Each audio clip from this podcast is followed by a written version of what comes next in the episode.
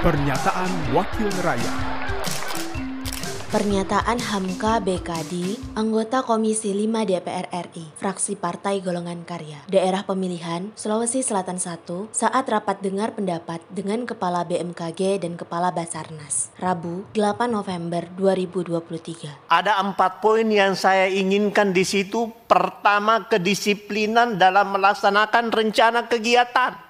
Yang kedua, melakukan akselerasi pelaksanaan program. Yang ketiga, meningkatkan kualitas belanja melalui peningkatan efisiensi. Dan yang keempat, meningkatkan monitoring dan evaluasi. Langkah-langkah konkret dari empat poin yang saya sampaikan itu yang ingin saya dengarkan nanti.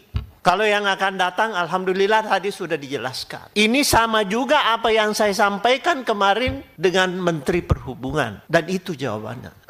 Bukti konkret ini berapa yang bisa kita capai? Ini baru 65,7 BMKG.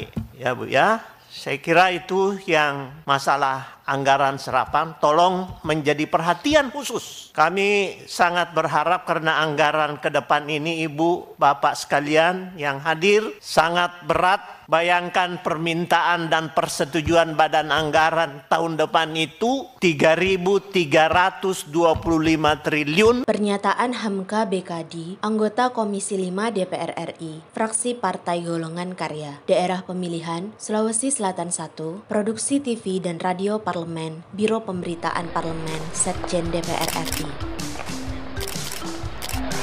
Pernyataan Wakil Rakyat